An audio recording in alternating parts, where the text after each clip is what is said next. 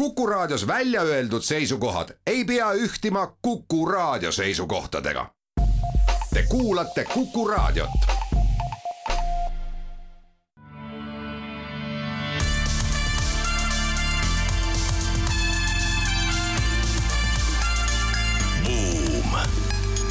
buumile annab hoogu SEB Pank tere päevast, on kahekümne üheksas märts aasta kaks tuhat kakskümmend kolm, oleme taas eetris Buumi saatega, saatejuhid sedapuhku Ott Pärna ja Anto Liivat. meie tänase saate avame teadaannetega sellest, et ÜRO sõnul on nüüd tõesti kõige viimane aeg maailmas kliimakatastroofi ärahoidmiseks tegutsema hakata ja ma ei tea, kas just sellepärast, aga, aga vastukaaluks vähemalt on siis Ameerika Ühendriikides Texase osaga, osariik pannud Euroopa suurima panga, mis tegelikult on Aasia suurim pank või Aasiast alguse saanud pank, musta nimekirja ja keelanud siis oma valitsusasutustel selle pangaga koostööd teha. Spotify ei ole suutnud pidada lubadust panna õlg alla mitmekesisust toetavatele ja vähemuste õiguseid edendavatele algatustele ning saab nüüd selle eest järgemööda peksa juhtimisuudises räägime sellest, millised on ettevõtte parimad töötajad ja kuidas neid hoida. asi nimelt selles, et vaid väike hulk inimesi loob firmades ja organisatsioonides põhilise väärtuse meie tänane saatekülaline on Tallinna Ülikooli dotsent ja sotsiaalse ettevõtluse asjatundja Katri-Liis Lepik, kellega arutleme, mis ikkagi on mõjuettevõtlus ning kuidas mõjuettevõtted maailma paremaks muudavad.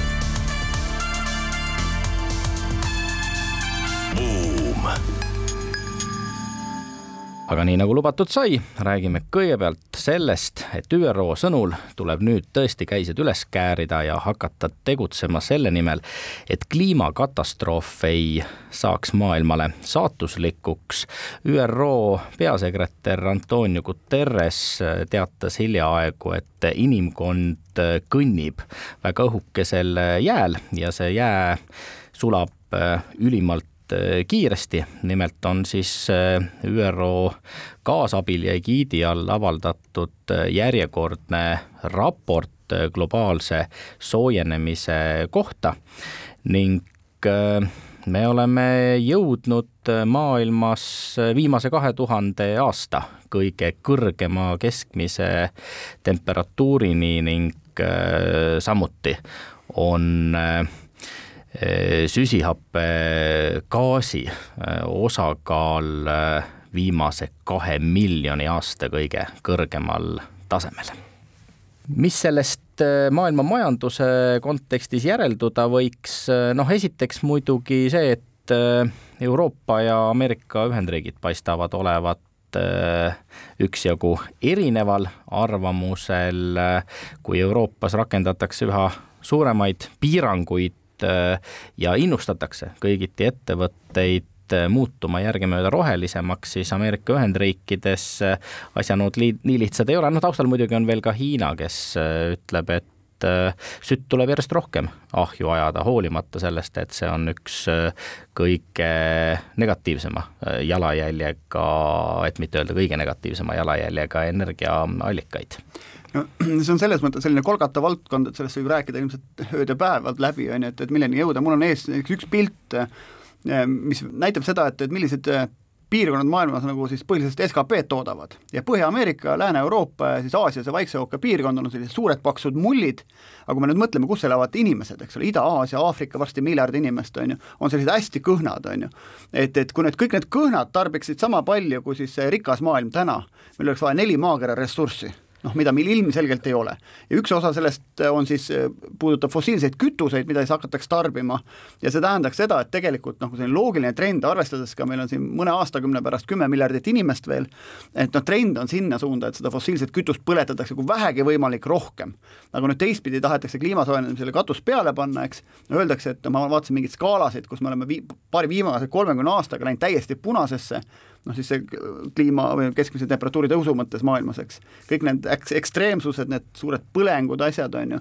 et ühesõnaga, et, et tuul on nagu sinnapoole, et tegelikult me need fossiilseid kütuseid tarbiks rohkem, igatepidi. ja teistpidi noh, me peame koomale tõmbama, et see on selles mõttes sellist kaks nagu vektorit, mis on täiesti eri suund, suundades. et kas me tõepoolest usume, et suudetakse pidurit tõmmata või tegelikult ikkagi peaks nagu mõtlema, kuidas sellega nagu hakkama saama ja ja võib-olla kes elama jääb siis, kui tõesti jamaks läheb ma ei tea. noh, üks suur oluline ressurss, mille üle võiks ka mõelda, on, on vesi ja, ja see on just nimelt arengumaid puudutav teema, kus puhta joogivee ja, ja sanitaartingimuste puuduse tõttu sureb maailmas igal aastal kolm koma neli miljonit inimest ja, ja just nimelt äh, vett pole piisavalt üle ühel miljardil inimkonnast, nii et noh, ökoloogid on siin üksjagu öelnud, et ega tegelikult me ei saa enam neid kahjusid tänasel hetkel enam kuidagi päästa, et me saame ainult pidurdada natukene seda kiirust, millega me neid ressursse raiskame. no buum on oma olemuselt optimistlik saade, me püüame ikkagi nagu tunneli lõpus valgust näha, aga tõesti, ega need kaardid, kui neid kõrvutada, mul on ees see maailma veekaart näiteks on ju, et riigid, kus on täna kõige suurem veepuudus, millised riigid need on, need on tegelikult Põhja-Aafrika, need on Pärsia lahe riigid, need on India, need on Bangladesh, on ju. Nüüd teiselt poolt sellesama kliima soojenemise tõttu üleujutused, täpselt samamoodi Bangladesh. ehk siis, et ja kui me vaatame nende samade riikide nagu näiteks äh, soolist tasakaalu, siis nad on kõik male dominated ehk siis meesdominantsed ühiskonnad, kus mehi on raske rohkem kui naisi ja neid noori mehi on üsna palju, kuivõrd nendes riikides on see noh, keskmine vanus siis noorem kui arenenud lääneriikides, mistõttu meil on nagu mitmed trendid, mis hakkavad tagant lükkama migratsiooni ja inimesed hulga kaupa liiguvad suurtel kiirustel mõnekümne aasta pärast. ehk siis need, kes täna meil üle siin Vahemere nagu ujuvad või paatidega tulevad, eks, et see on, ma kardan, jäämäe tipp, et kui suuremad massid liikuma hakkavad, et mida see Euroopale siis tähendab või üldse arenenud maailmale, ja et sellega hakkama saada, seda peaks tegelikult ka täna juba mõtlema. no aga Ameerika Ühendriikides on need teemad üsna tõsiselt päevakorras. Äh, Joe Bidenit süüdistatakse selles, et ta on murdnud üht oma olulisemat valimislubadust, andnud siis naftaettevõttele ConocoPhillips võimaluse hakata Alaskal äh, puurima ja avada selle ettevõtte kõige suurema puuraugu, mille potentsiaal on parasjagu nii palju, et äh, circa kaks miljonit äh, autot äh, saaks teedele, tänavatele juurde tuua, samal ajal siis Biden teadupärast oma presidendikampaanias lubas, et ühtegi uut naftavälja ei avata. nii et ähm, see no kaks miljonit autot on, on, on päris suur kogus ja annab muidugi taaskord kõvasti äh, Eh, hoogu globaalsele soojenemisele, aga, aga noh, mitte, mitte ainult muidugi on keskkonnaorganisatsioonid üksjagu mures ka Alaska elukeskkonna floora, fauna pärast. No eks ettevõtted püüavadki sellest nagu kuidagi jagu saada, on ju, et ühelt poolt on meil sama, kui me plastist räägime näiteks, et tuhat üheksasada viiskümmend hakati plasti enam-vähem tootma, on ju, tänaseks on meil põhimõtteliselt nagu kontinentide suurused prügisaared nagu ookeanides, hoovused veavad seda plasti kokku ja selline kaks-kolmkümmend meetrit sügav selline noh, põhimõtteliselt plastisolgi nagu sellised suured saared on tegelikult maailmameredes. noh, Adidas ütleb selle kohta, et nad hakkavad nüüd sellest ehm, kasutatud plastist nagu tossusid tegema, on ju, aga noh, kui me loeme kokku, palju Adidas teeb tosse ja mitu tükki on tehtud siis sellest nagu taas plastist ilmselt väga väike osa, et et, et kui usutav see on, et ettevõtted nüüd noh, tõesti hakkavad siis seda recycle ima kogu seda plastmassi või et kui usutav üldse on, et need ärimudelid lähevad sellisteks äh, noh, ütleme mitmekesisemaks, et, et te, teadupärast on see, et vaata väärtusahela lõpus võetakse väärtus välja, seal tee peal on igasugust risu, risu tekib, on ju, selleks, et ühetonnine auto toota, on meil kuuskümmend tonni kõikvõimalikku nii-öelda jama tekib selle, selle jooksul, on ju. ja siin Günter Pauli kirjutas siin The Blue Economy või Sinine majandus ühe raamatu mingi aeg tagasi, kus ta väitis seda, et et mis iganes valdkonna nagu väärtusahel, et me peame seal rohkem tee pealt kätte saama, mitte ainult rahalist väärtust, vaid ka sotsiaalset väärtust. ja ta seal raamatus on tal noh, kümneid näiteid, mida siis on proovitud teha, üks näiteks on maailma kohviahel. et noh, kohvi, et kohvi siis nagu, seal on põhimõtteliselt kaks asja, mis lähevad prügikasti, üks on kohvitaimed, mis on siis äh, arengumaades, kus seda kohvi kasvatatakse, ja kohvipaks on siis arenenud maades, kus kohvi tarbitakse. ja see kohvi aroom ja maitse, mida me joome, on võib-olla null koma mingi protsent kogu sellest asjast. ja kuidas siis Aafrikas hakati kohvitaimede peal kasvatama seeni, on ju, selle läbi saadi söök, selle läbi saadi sissetulek, selle läbi saadi naised, osa naisi nii-öelda ärakasutamisest välja, ehk siis terve rida nagu sellist sotsiaalset kasu tekkis lisaks rahalisele kasule ja söögile, sellest, et ühest tavalisest kohviahelast võeti rohkem välja. no samal ajal lühiajaliselt äh, ei pruugi need valikud, millega ettevõtted silmitsi seisavad, sugugi nii rõõmustavad äh, olla. Texase osariik pani Euroopa suurima panga HSBC, mille akronüümi taga on siis teadupärast Hong Kong and Shanghai Banking Corporation äh, oma algupäras musta nimekirja ja keelas oma valitsusasutustel sellega äri ajada. selle Euroopa suurima panga, Briti juurtega panga varade maht on circa kolm triljonit dollarit ja nad on pikka aega üsna edukalt Äh, Ameerika Ühendriikides erinevaid algatusi, suuri projekte finantseerinud. Äh, miks Texase osariik nad musta nimekirja pani, on äh, see, et HSBC teatas, et nad ei finantseeri enam ühegi uue nafta ega gaasivälja rajamist ja kõigiti püüavad kaasa aidata sellele, et nende kliendid kestlikumalt toimetaksid. ja noh, see ajas muidugi Texasel, kes äh, suuresti äh, naftast äh, elab ja ülekantud tähenduses toitub harja parasjagu mustaks ja, ja HSBC jaoks tähendab see kindlasti kasutamata äripotentsiaali vähemalt, vähemalt lühikeses plaanis see on ikka üks hästi selline hea näide tegelikult sellest, kuidas finantssektor ja, ja pangandus saab tegelikult sekkuda ja mõjutada just nimelt seda keskkonnahoidlikumat, keskkonnale suunatumat, sõbralikumat äh, käitumismustrit ja, ja noh, eks siin on ka paremaid äh, näiteid, sest tegelikult kogu see sotsiaalsete ettevõtete finantsturg on aina äh, suurenemas ja noh, üks viimase aja näide on sellest, kus äh, Twitteri endine tegevjuht Jack Dorsey siis oma tehnoloogiaettevõttega Block siis rahastab just selliseid mittetulunduslikke laenuandjaid, ehk et siis selliseid nagu kogukonna arengu finantseerimisasutusi, mis omakorda siis tegelikult aitavad just sellistel eh, sotsiaalsetel ettevõtetel eh, saada siis eh, laenu, mis muidu nagu jääksid täiesti välja sellisest traditsioonilisest panganduse võimalustest, et see on üha, üha tõusev trend, et tegelikult pangad aitavad kaasa selliste sihtrühmadele. jah, et selle asja juures on ainuke aga on see, et hea oleks, kui see maailm oleks nii must ja valge, on ju, aga tegelikult ei ole, et seesama no Texas, eks, Texas on näiteks Ameerika Ühendriik, mis on nagu Lääne-Euroopa või Lääne, läänemaailm, eks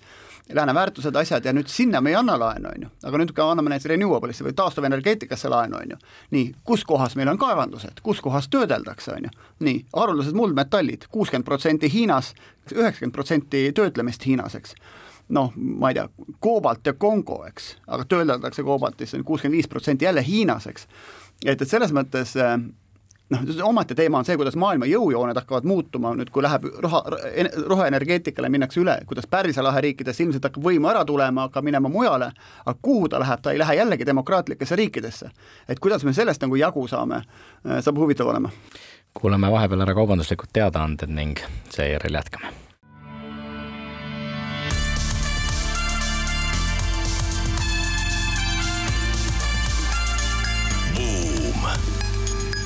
buumile annab hoogu SEB Pank oleme tagasi Buumi eetris, saatejuhid Ott Pärna ja Anto Liivat ning meie tänaseks saatekülaliseks on Tallinna Ülikooli dotsent, sotsiaalse ettevõtluse asjatundja Katri-Liis Lepik, kes aitab meil ka uudiseid äh, kommenteerida.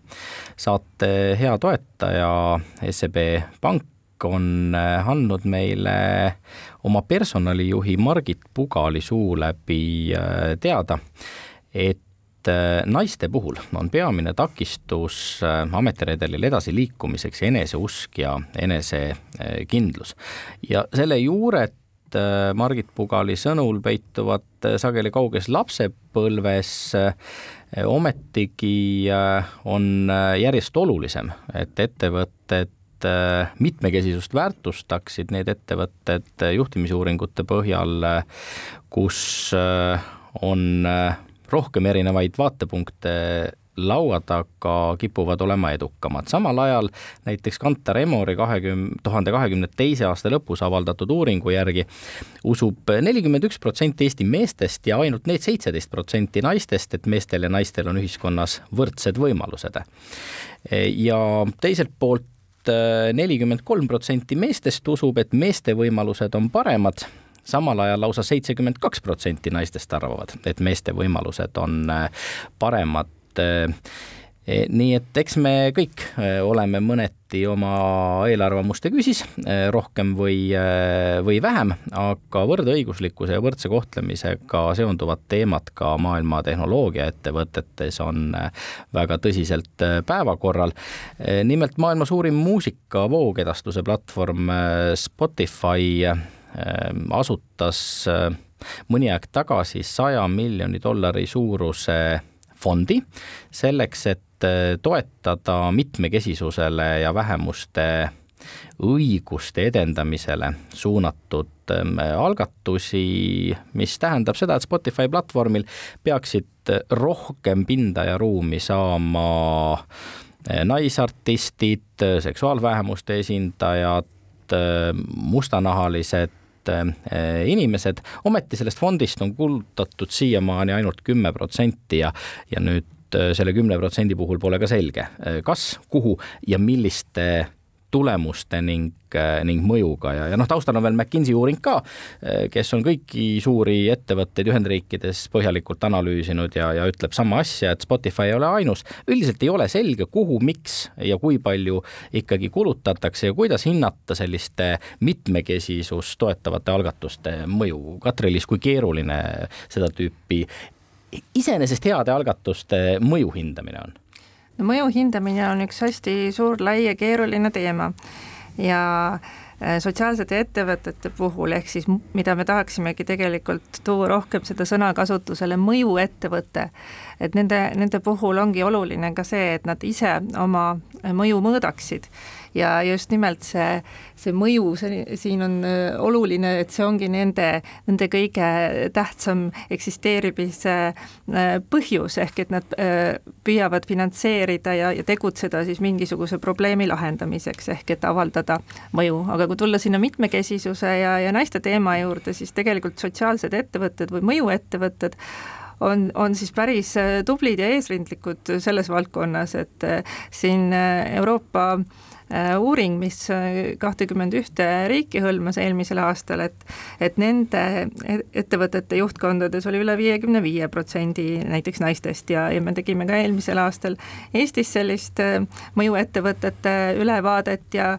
ja, ja ka siin oli naiste osakaal juhatustes kuuskümmend kaheksa protsenti ja noh, teine oluline aspekt, mida just siis ka mõjuettevõtted näitavad ja, ja, ja peavad oluliseks, on siis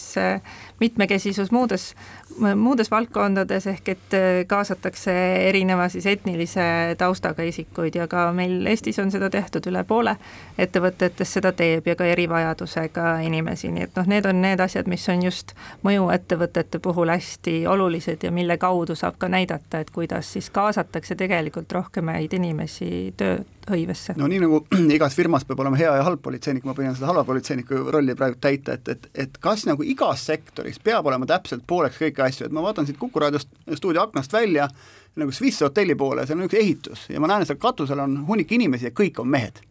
et kas need peaks hakkama ka mingisugust õigust taga ajama, et tegelikult võiks olla seal pooled siis noh, keegi teine seal katuse peal. ja mul on te tegelikult teistpidi ka, et, et üks pilt mul on ees, kus öeldakse seda, et näiteks suunamudimises domineerivad naised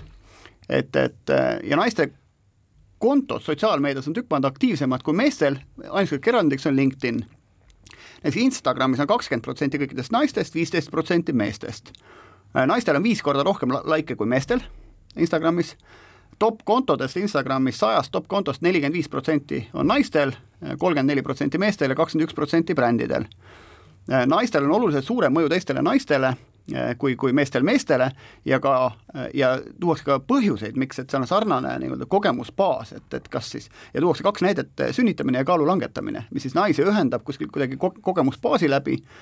Ja, ja noh, räägitakse paljust muust ka, et naised suhestuvad palju rohkem brändidega, jagavad nende postitusi ja nii edasi, ja mis on huvitav, et ka meestele turundatakse sotsiaalmeedias läbi naiste ehk siis mehed, naised teevad palju otsuseid ära. ehk siis mis ma tahan öelda, see maailm kipub olema natuke kirjum, kui me hakkame igal pool seda absoluutset võrdsust taga ajama, mis üldse ei nagu välista seda, et meil võiks nagu mõistuspäraselt olla kas või seesama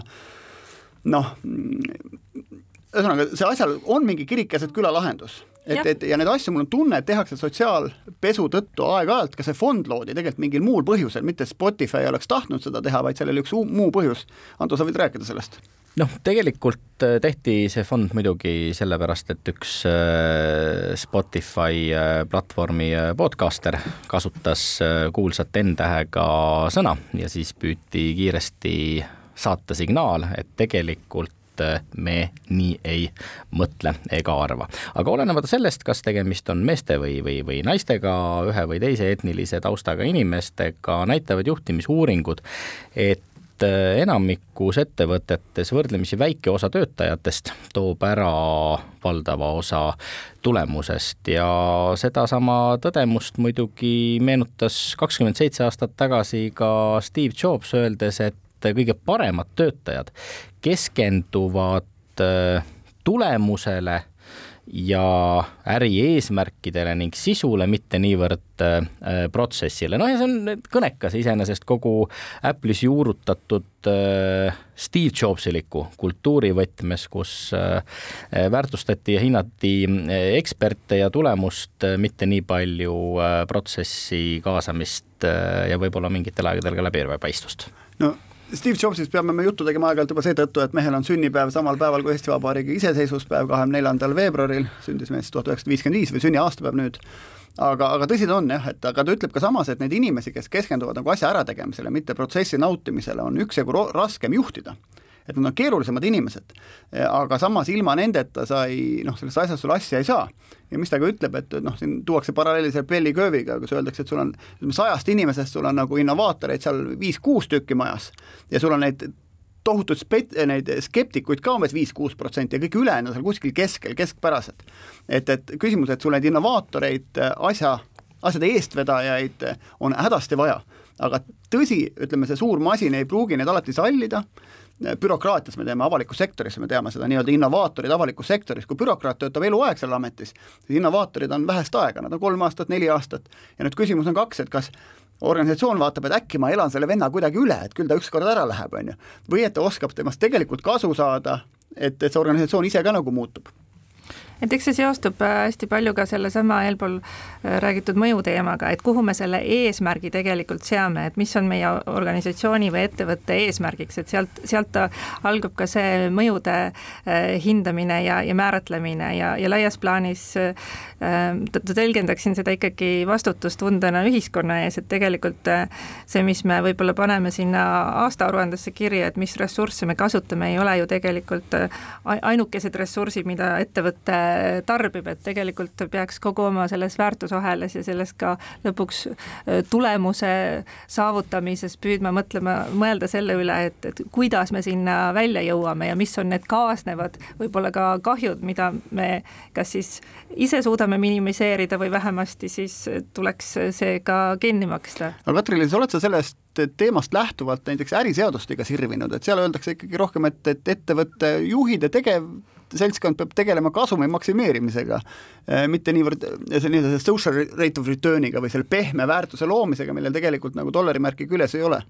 no ma tahaks loota, et, et äh, ka see mõtteviis äh, muutub üha enam, et see saab tegelikult äh, täiesti normaalsuseks, et ongi igapäevane tavaline ärimudel see, kus sa teenid tulu panustades positiivsesse mõjusse. et, et see saab hakata olema selline igapäevane mõtteviis ja, ja ka juhtkonna eeldus et eelkõige me püüame lahendada probleeme, me teenime sellega tulu ja see on täiesti okei okay,, aga et me ühtlasi püüame vaadata, et, et me maksaks ka kinni sellega kaasneva äh, negatiivse kahju.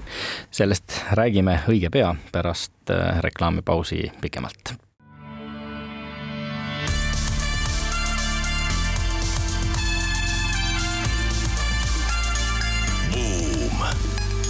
Buumile annab hoogu SEB Pank oleme tagasi Buumi eetris, saatejuhid Ott Pärna ja Anto Liivat ning meie tänaseks saatekülaliseks Tallinna Ülikooli dotsent, sotsiaalse ettevõtluse asjatundja Katri-Liis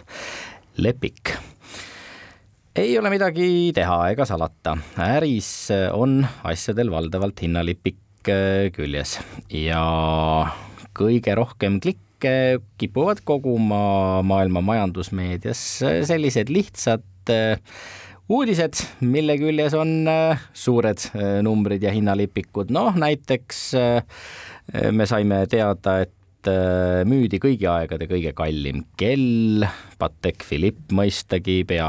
kuue miljoni dollariga Hongkongi oktsionil. seejärel lugesime, et šampanja müük maailmas purustas eelmisel aastal kõigi aegade rekordi, šampanjat Äh, paistab voolavat ojadena, müüdi seda maailmas kuue miljardi euro eest äh, sedapuhku. Ning mis selles siis kõiges, kõiges halba on või, või millist tühimikku selles äh, raha teenimise maailmas, kus preemiaks on äh, maitsev šampanja ja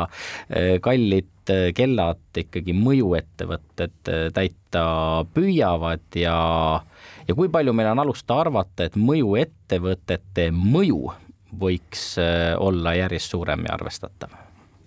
no mõjuettevõtetega on see lugu, et nad täidavad just seda turul seda tühimikku, mida mida täna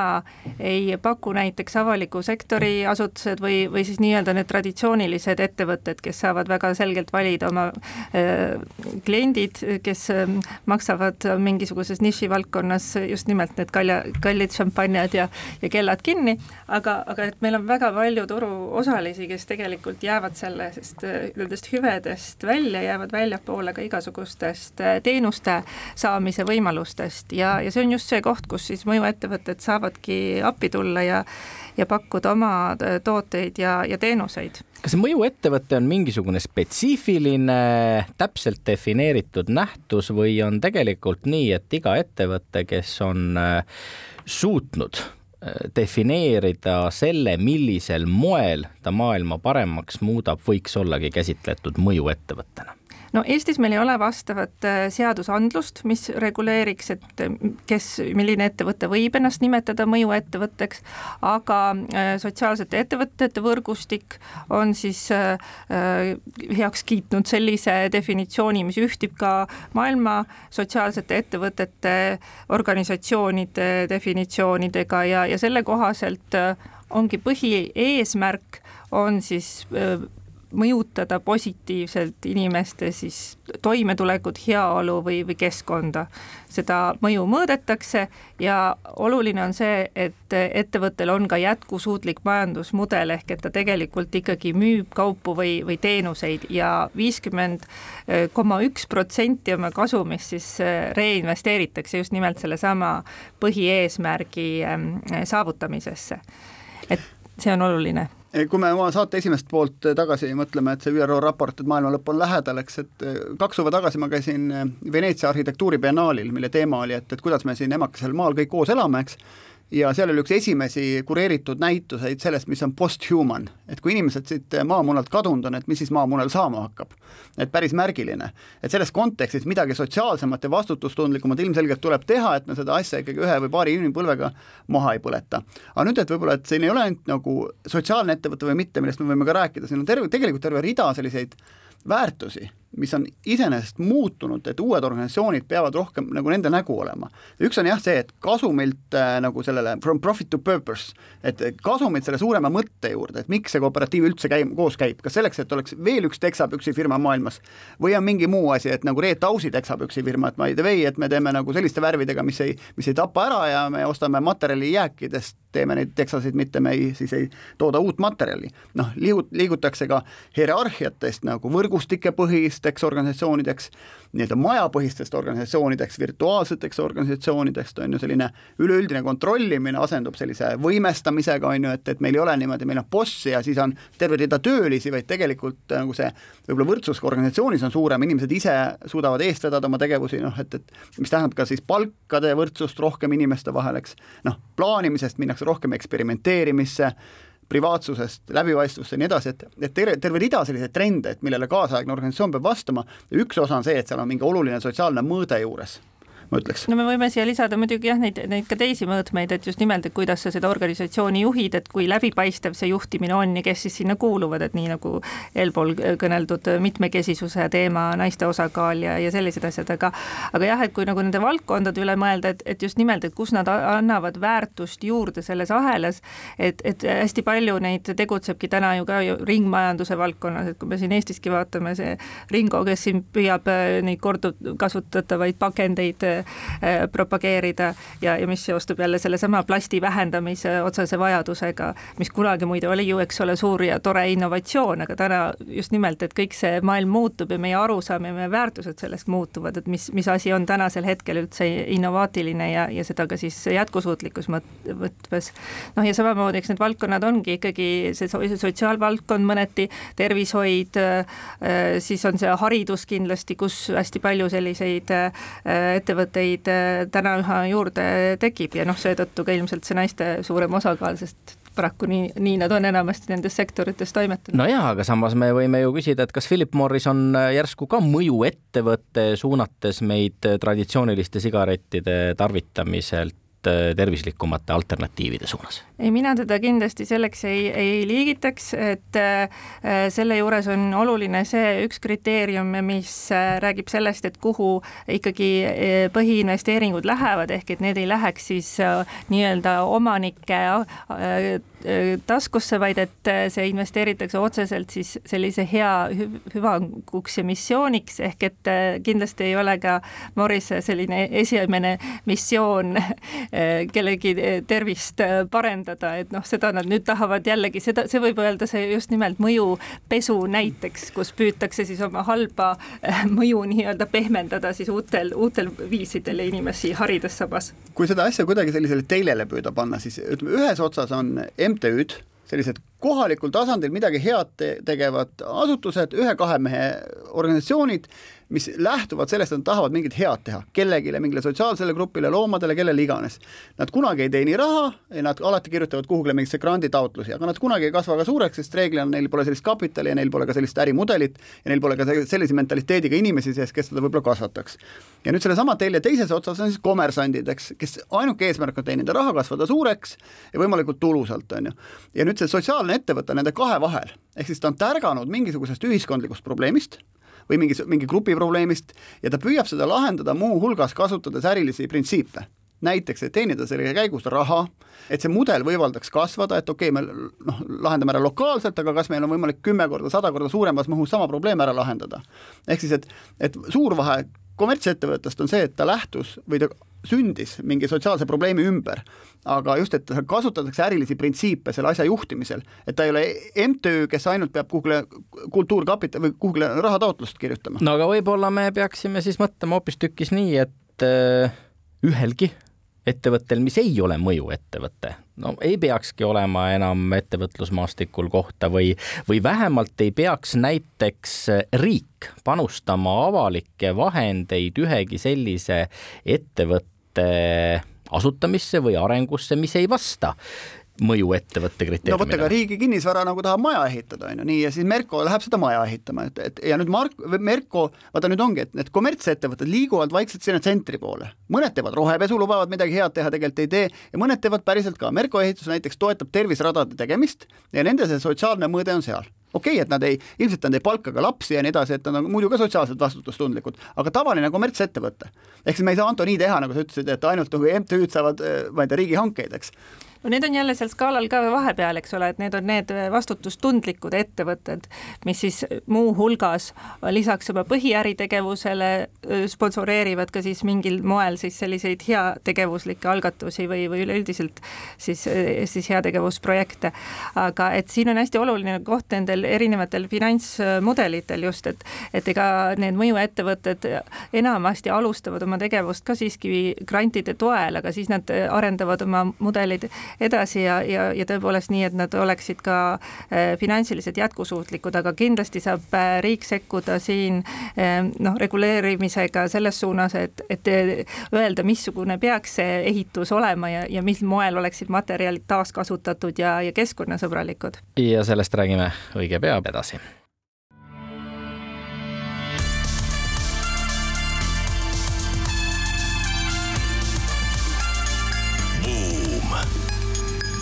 buumile annab hoogu SEB Pank oleme tagasi Buumi eetris, saatejuhid Ott Pärna ja Anto Liivat ning meie tänaseks saatekülaliseks Katri-Liis Lepik, Tallinna Ülikooli dotsent ning mõjuettevõtluse asjatundja. me eelmises saateplokis lõpetasime sellega, kuidas riik peaks reguleerima ja, ja innustama ettevõtete tegevust selleks, et äh, nende ühiskondlik äh, positiivne mõju äh, oleks, oleks suurem. ning siin on põnev vaadata ka Euroopa Komisjoni värsket algatust. nimelt on komisjon võtnud luubi alla erinevate märgiste kasutamise, puudutavad need siis ennekõike märgiseid, mis indikeerivad sõnu natural või naturaalne, climate natural või siis ka taaskasutatav aines. Ning analüüsides neid pöördumisi, mis on komisjonile laekunud, on nad jõudnud arusaamisele, et circa igal teisel juhul on tootele kleebitud eksitav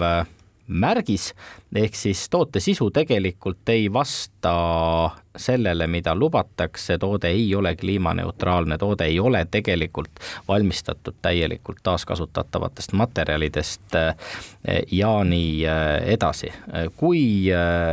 palju, Katri-Liis, sulle silma jäänud on seda, et ettevõtted tegelikult noh, tegelevad selle nii-öelda rohepesuga ja kuritarvitavad Äh, erinevaid äh, kleebiseid äh, noh, tarbija eksitamiseks enda äriedu nimel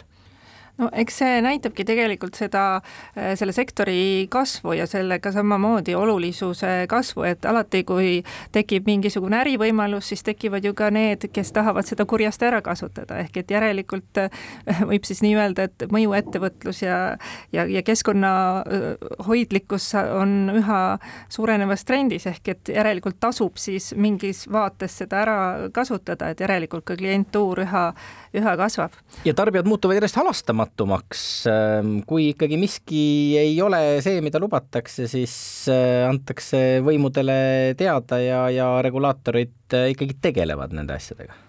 jah, ja, ja, ja avalikul sektoril on siin kindlasti hästi äh, suur roll üleüldiselt, et kuidas ähm, ühtepidi reguleerida, aga teistpidi ka võimaldada ikkagi siis sellist ähm, so, ka sotsiaalse innovatsiooni, ühiskondlike innovatsioonide ja, ja mõjuettevõtete teket, et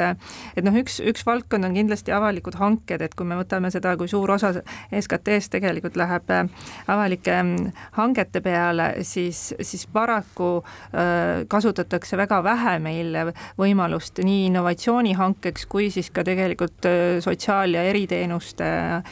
siis hankelepinguteks ja, ja see oli suurusjärgus siis mingi kakskümmend hanget, mis, mis eelmisel aastal alustati siis kumma, kummaski valdkonnas, nii, nii siis sotsiaal kui, kui innovatsioon. no ja Rootsi on siit veel kaugemale läinud, üheksakümne miljardi dollari suurune pensionirahapott avati ainult nendele ettevõtetele, kes ja investeerimisfondidele, kes tõepoolest on süsteemselt oma põhitegevusse lõiminud siis ESG põhimõtted, nii et ja riigid kindlasti saavad siin ka innustada noh, ESG on üldse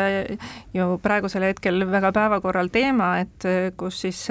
ettevõtted peavad hakkama äh, ka äh, raporteerima siis oma äh, tegevust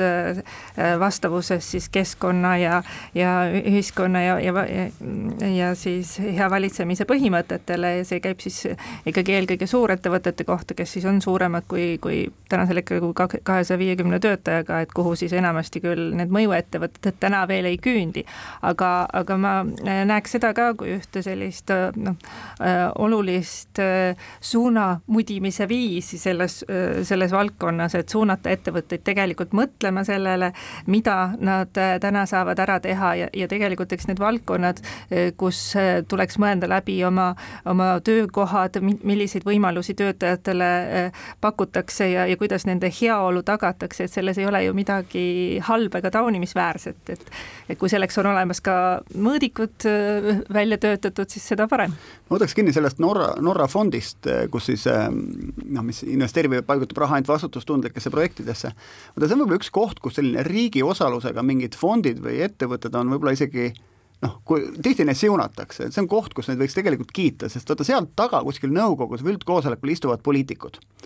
ja, ja kes tegelikult äh, peavad kandma neid väärtusi, et, et me noh, oleme vastutustundlikud iga kandi pealt, on ju, ja tegelikult nad nõuavad neid, omanik nõuab, nõukogud nõukogust nõuab nagu tegevjuhtkonnalt ja tegevjuhtkond siis vastavalt käitub, antud juhul investeerib siis ainult seda tüüpi projektidesse.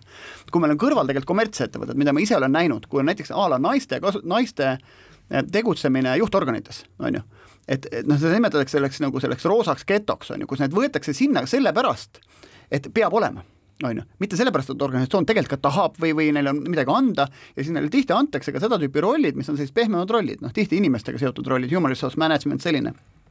No tegelikult on nagu see board of directors on mustad pintsakud, Saksa ettevõtted on ju, ma olen ise näinud selliseid board'e ja seal on üks-kaks naist, kes ongi tegelikult sellistes lihtsamates töödes. ehk siis, et teema, mis tegelikult nende riigifondide puhul on palju paremini lahendatud. no muidugi nende riigifondide puhul ikkagi tekib ka küsimus, et kuidas ikkagi seda positiivset mõju mõõta, hinnata, muuhulgas näiteks sellel põhjusel Ameerika Ühendriikides hiljaaegu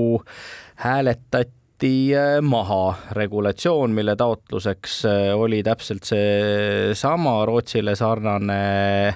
lugu, et riiklik kõiki äh, vahendeid, äh, pensioniraha investeeritaks äh, ikkagi sellistesse vastutustundlikesse ettevõtetesse. mis selle mõju mõõtmise nii keeruliseks teeb, Katrin? no mõju mõõtmise teeb keeruliseks see, et, et need äh, valdkonnad nende mõjuettevõtete puhul on hästi erinevad ja, ja nende taotlused, nende püüded äh, siis midagi muuta on ka hästi erinevad. ehk et äh, me saame mõõta nii neid protsesse kui, kui tulemusi, aga noh, kui me võtame siin, et üks tegutseb, eks ole, näiteks selles ringmajanduse valdkonnas, me saame mõõta, kui palju äh, plasti tänu tema tegevusele läheb äh, kasutusest välja ja, ja ei ole vaja enam äh, tarbida, teine, teine tegutseb, eks ole, siin võib-olla äh, sektoris, kus äh, pakub, eks ole äh,, nagu Köömen näiteks äh, uussisserändajatele koolitusi keeleõppe valdkonda, tööhõivet, tema, eks ole, saab mõõta seda, et, et kui palju äh, nendest äh, pagulastest äh, õpivad ära eesti keele, kui palju neist saab edasi tööturule, et noh, need mõõdikud on nende puhul väga erinevates äh, kohtades ja, ja see muudabki selle nii-öelda noh, rätsepa tööks ka tegelikult mõneti selle mõju mõõtmise. aga jah, et ja, ja, ja oluline on ka see, et, et tõepoolest lihtne on mõelda seda, kuhu me, mõõta nii-öelda, kuhu me välja jõuame neid tükke, et keegi on saanud kas mingil määral rohkem haridust, siin võttes tagasi, tulles Aafrika riikide juurde, eks ole, kirjaoskust omandanud, et need on, need on asjad, mida me saame saame kokku lugeda ja, ja mõõta, aga, aga teistpidi, mis on kulunud, need, need just nimelt võrgustiku teemad, et, et millise töö on seal taga nende erinevate suhete mustrite nagu muutmisega, et üldse jõuda nendeni innovatsioonideni, et vot seda, seda kohta on hästi raske mõõta. võib-olla kaks lühikest mõtet võimalustest selles valdkonnas, et üks on see, et eh, kunagi kaks tuhat aastal kirjutati üks vahva raamat Netocracy, mis ütles, et maailma valitsevad need, kes valitsevad mingeid võrgustikke, on ju, ja need võrgustikud saavad olla valdkonnapõhised. Ja neid valdkondi maailmas nagu kapsalehti N-arv ümber maailma. Ja me oma kaks poissi, Hardi Meibaum, Indrek Narusk tegid ettevõtte nimega GrabCAD kus maailma inseneridel, mehaanikainseneridel oli probleem, need pidid iga CAD faili hakkama nullist joonistama, nii. Ja vennad tegid keskkonna, kus siis eh, nii-öelda tekkis digitaalne raamatukogu mehaanikainseneridele kus sa said siis vaadata, kuidas mingi teine mees oli joonistanud mootorratta külgvankri näiteks ja said samamoodi oma jooniseid üles panna. ja samamoodi tekitati turuplats, kus ettevõtted, kellel olid mehaanikainseneri küsimused, panid sinna ülesse ja maailma inseneride võrgustik sai seda lahendada. ehk siis maailma inseneride sotsiaalne kogum või, või nii-öelda Facebook, eh, mille turuväärtus oli, oli nüüd kümmekond aastat tagasi, kui see maha müüdi, umbes viis aastat pärast asutamist sada miljonit dollarit. ehk siis mindi lahendama ühe kogukonna praktilist probleemi ja selle ja lahendati ära ja tekitati finantsiline väärtus. ehk siis vaadake ringi, mis valdkonnas te ise toimetate, mis on selle valdkonna tegelik probleem ja te võite olla kas või Põlvas või Valgas või minuga koos Otepääl ja te, ja te võite seda ettevõtet sealt juhtida, lahendades seda ära ja teenides tegelikult ka raha. mõjude mõõtmine iseenesest on, on omakorda ettevõtlusvõimalus kellegi jaoks, nii et ma ei muretseks väga, et, et täna seda konkreetset mõõdikut ei ole, et meil on endiselt kasutusel nii, nii meetrid kui, kui, kui miilid, kui kilogrammid, kui, kui intsid, et, et ka neid endiselt on meil mõõdikuid väga erinevalt äh, olemas ja, ja kasutusel paralleelselt, nii et küllap me leiame ka tulevikus sobivamaid. üks indikaator, kui teil tahavad töötada ägedad inimesed, siis järelikult te teete mingit asja, millel on mingi mõte aitäh, Katri-Liis Lepik, Tallinna Ülikooli dotsent meile saatekülaliseks tulemast. me soovime sulle ja sinu kolleegidele palju edu maailma parandamisel ja ettevõtete arengu positiivses suunas innustamisel meie oleme taas eetris nädala pärast, viiendal aprillil, siis on meie külaliseks Tartu Ülikooli majandusteaduskonna professor ja rektori kandidaat Raul Eamets. räägime hariduse tulevikust ja hariduse ning tööturu seostest. seniks aga kuulmiseni